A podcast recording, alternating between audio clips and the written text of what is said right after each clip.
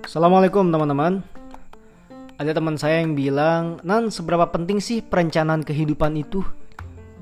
Nah teman-teman Hidup itu harus punya rencana. Kalau hidup nggak punya rencana Berbagai macam aktivitas kita Waktu yang kita gunakan Energi yang kita keluarkan Itu nggak efektif teman-teman.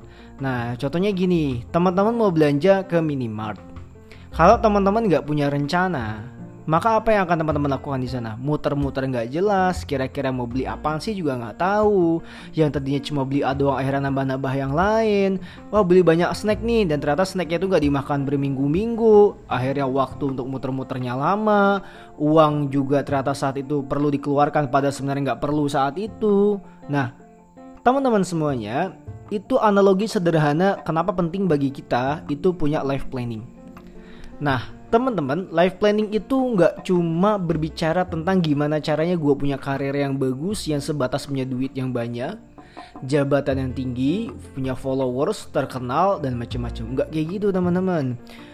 Manusia itu wajib punya life planning karena dia harus ngerti gimana caranya aku sampai ke surga. Maka aku planning ini di dunia ini kira-kira hal-hal apa saja yang ingin aku lakukan.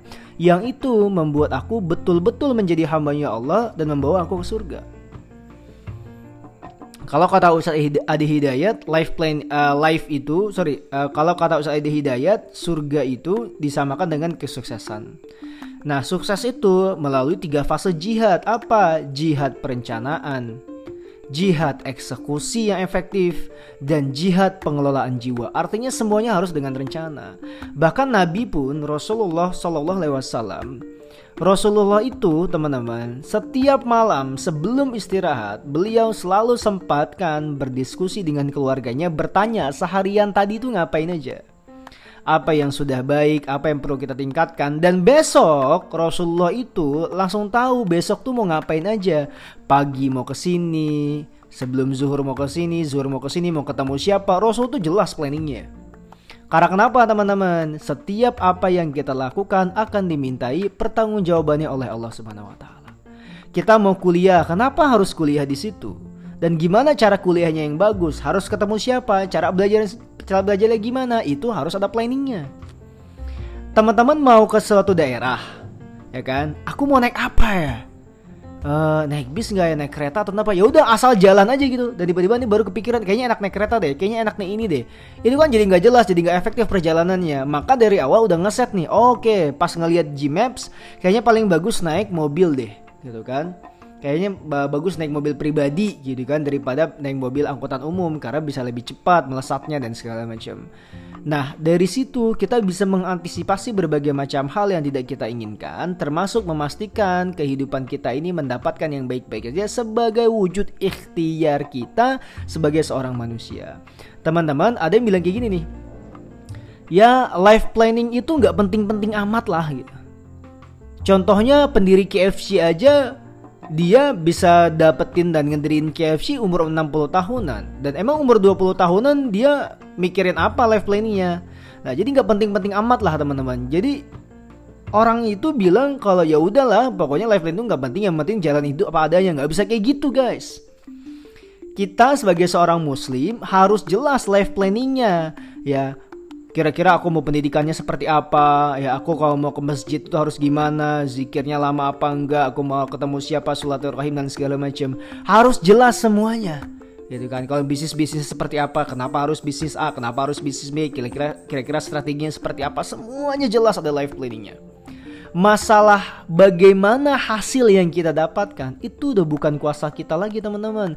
Tapi itu adalah kuasa Allah subhanahu wa ta'ala Ya kan? Di dalam surat Al-Hasyr dalam Al-Qur'an itu hendaklah manusia itu mempersiapkan apa yang akan dia lakukan besok. Jadi kita harus tahu besok itu mau ngapain. Kalau Nabi aja mencontohkan Nabi itu tahu besok mau ngapain dan setiap malamnya evaluasi dari apa yang sudah lakukan seharian itu, lah kenapa kita enggak? Kan gitu. Nah itu aja teman-teman semuanya penting banget makanya punya life planning itu. Ya bisa menghindari yang namanya stupid cost biaya kebodohan, waktu yang kita alokasikan, energi yang kita keluarkan, uang juga yang kita habiskan, ya itu bisa dialokasikan ke dalam eh, hal-hal uh, yang tepat-tepat ya dengan ikhtiar terbaik kita kita kembalikan kepada Allah. Wujud tawakal itu adalah melakukan usaha sebaik-baiknya. Nah dari usaha yang sebaik-baiknya itu insya Allah akan Allah akan berikan yang terbaik juga untuk kita. Itu aja teman-teman ya. Semangat nih buat teman-teman yang lagi bikin life planning, teman-teman tips aja life planning nggak cuma sekedar aku harus punya bisnis apa, duitnya berapa berapa banyak gitu kan, seterkenal apa, gitu kan setinggi jabatan apa nggak kayak gitu teman-teman. Life planning kita sebagai seorang uh, muslim sebagai seorang manusia adalah bagaimana caranya kita memakmurkan bumi Allah Subhanahu wa taala. Dengan cara apa nah cara-cara itu dipaparkan dalam life planning yang tidak sesederhana hanya tentang dapat duit saja atau terkenal saja. Nah buat teman-teman yang pengen belajar tentang life planning lebih dalam teman-teman bisa untuk follow di Instagram @mudainspiratif.co.id di situ ada materi life planning canvas. Teman-teman pantangin aja kira-kira trainingnya akan kapan. Ya jangan lupa di situ tekan notifikasinya ntar teman-teman insya Allah ikut bisa kelasnya. Itu aja ya teman-teman ya. Nah, semoga bermanfaat. Assalamualaikum warahmatullahi wabarakatuh